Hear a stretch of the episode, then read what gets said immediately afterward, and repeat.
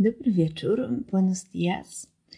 Wirtualnie przenosimy się dziś do Madrytu, gdzie w Galerii Sztuki Prado znajduje się jeden z trzech obrazów namalowanych przez mistrza Michelangelo Merisi, zwanego Caravaggio, zainspirowany historią biblijną o Dawidzie i Goliacie.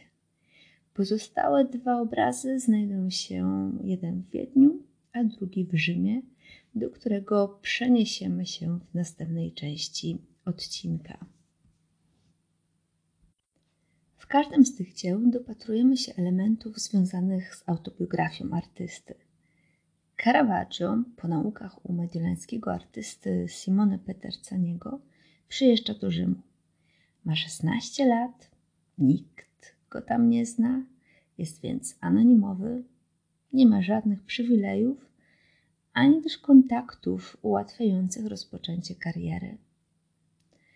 Dziesięć lat później namaluje ten właśnie obraz Dawid z głową Goliata. Zleceniodawcą będzie wybitnie wykształcony kardynał Francesco del Monte, który będzie się zachowywał bardziej jak władca włoski. Będzie zapraszał na kolację znane osobistości, a jako mecenas sztuki zapewni Caravaggio miejsce zamieszkania, wyżywienie, a przede wszystkim dużą swobodę działania.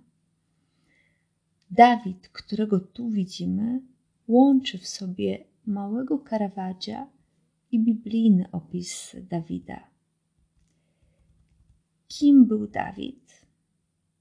To bardzo niepozorny chłopiec. Ósmy, ostatni syn Jessego, pasterz, tak anonimowy, że nikt nigdy o nim nie pamięta.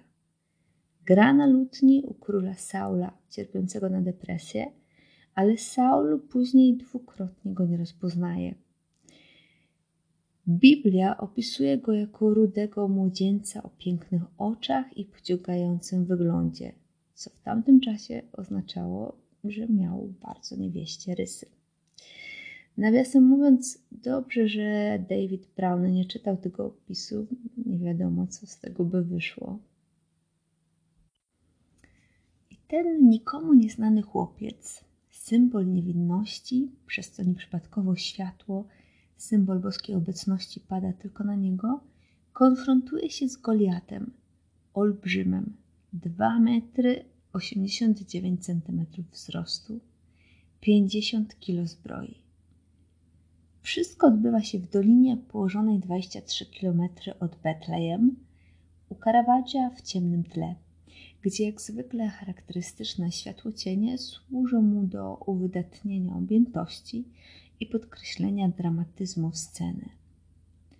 Goliat przez 40 dni wychodził przed wojsko, czekając na śmiałka, który z nim się zmierzy. Tak często się działo, że najpierw walczyło dwóch wojowników przeciwnych wojsk, co pozwalało uniknąć wielkiego przelewu krwi.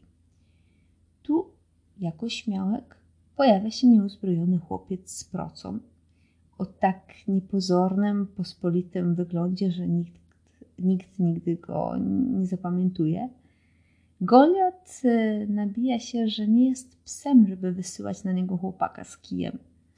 Jednak olbrzym nie jest tak potężny, jak mu się wydaje.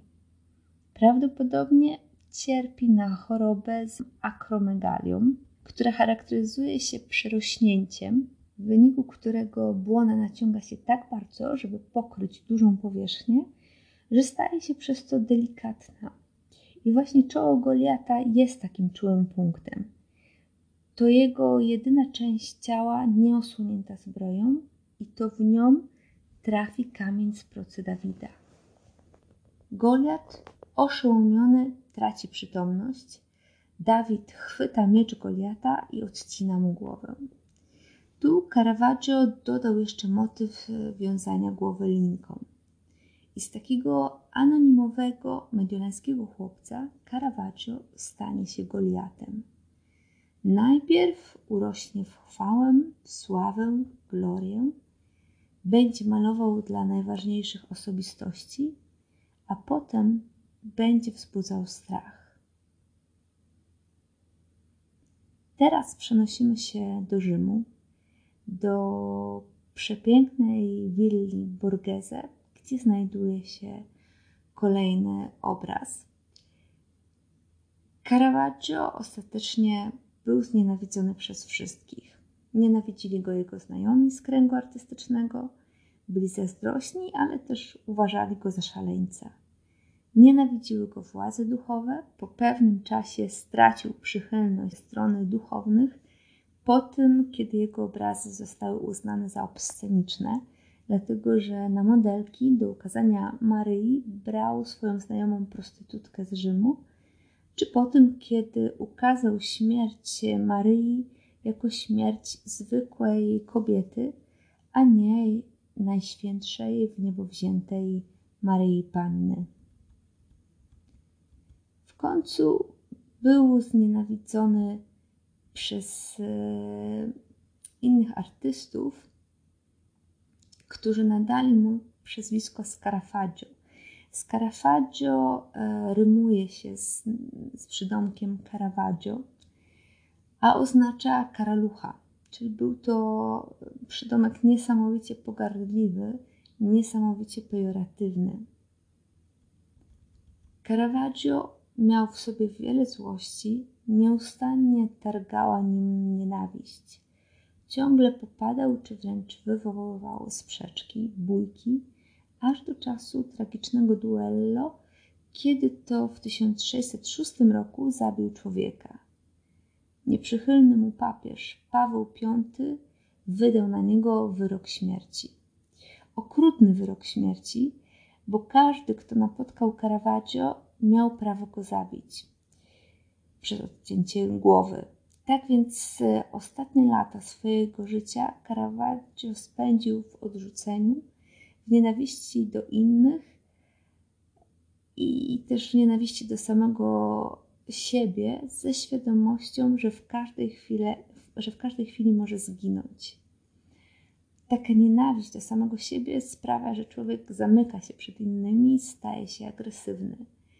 Caravaggio decyduje sam, w przeciwieństwie do innych dzieł, które w wielu przypadkach malował na specjalne zlecenie, namalować po raz trzeci Dawida z głową Goliata. Ale tutaj Dawid i Goliat będą wyglądać zupełnie inaczej. Wielu krytyków twierdzi, że jest to podwójny autoportret Caravaggia, pewien rodzaj odrodzenia malarza, a w rezultacie uwolnienia się od grzechu. Widzimy to ewidentnie w przypadku głowy Goliata. Widzimy przemoc, krew, półotwarte oczy, w których tli się jeszcze gasnący promyk życia, usta uchylone w ostatnim oddechu. Jak gdyby Caravaggio przedstawił stan własnej psychiki, odrzucenia, klęski, upadku, Natomiast Dawid, czyli Caravaggio, jest tu ukazany zupełnie inaczej niż w poprzednich e, dwóch obrazach. Mniej zwycięski, mniej triumfujący, mniej zadowolony ze, ze zwycięstwa. Można powiedzieć, że żałuje, że współczuje Goliatowi.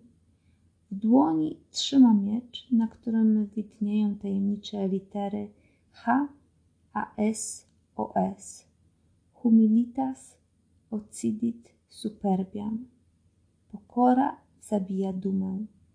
Ale jest to również odniesienie do współczesnej dla Caravaggia broni, a zatem sposób na urzeczywistnienie, urealnienie całej sceny, podobnie jak szklanki, jak szklane kieliszki na ostatniej wieczerze Leonarda. Prawdopodobnie Caravaggio załączył ten obraz do listu skierowanego do kardynała Scipione Borghese z prośbą o wstawiennictwo u papieża Pawła V. Obraz pełni funkcję malarskiego rachunku sumienia, rozliczenia dotychczasowego życia, błagania o łaskę i przyznania się do winy.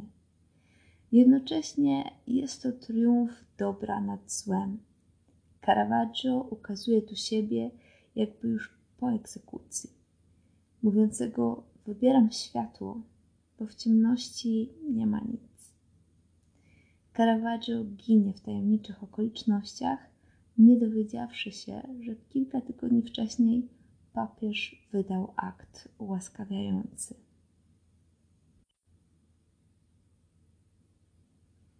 Niestety koronawirus pokrzyżował moje plany wyjazdu do Madrytu, ale nadrobię to. Państwa też do tego zachęcam.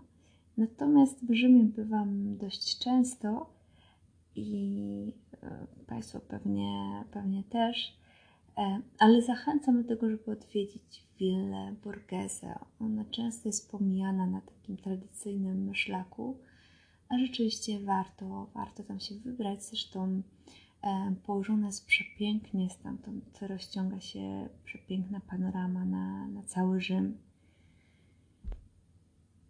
Także zachęcam. Zachęcam również do tego, żeby odwiedzić e, kanał, mój kanał YouTube i tam będą mogli Państwo zobaczyć obrazy, o których mowa w tym odcinku. Bardzo dziękuję za uwagę. Dobranoc. Buonanotte.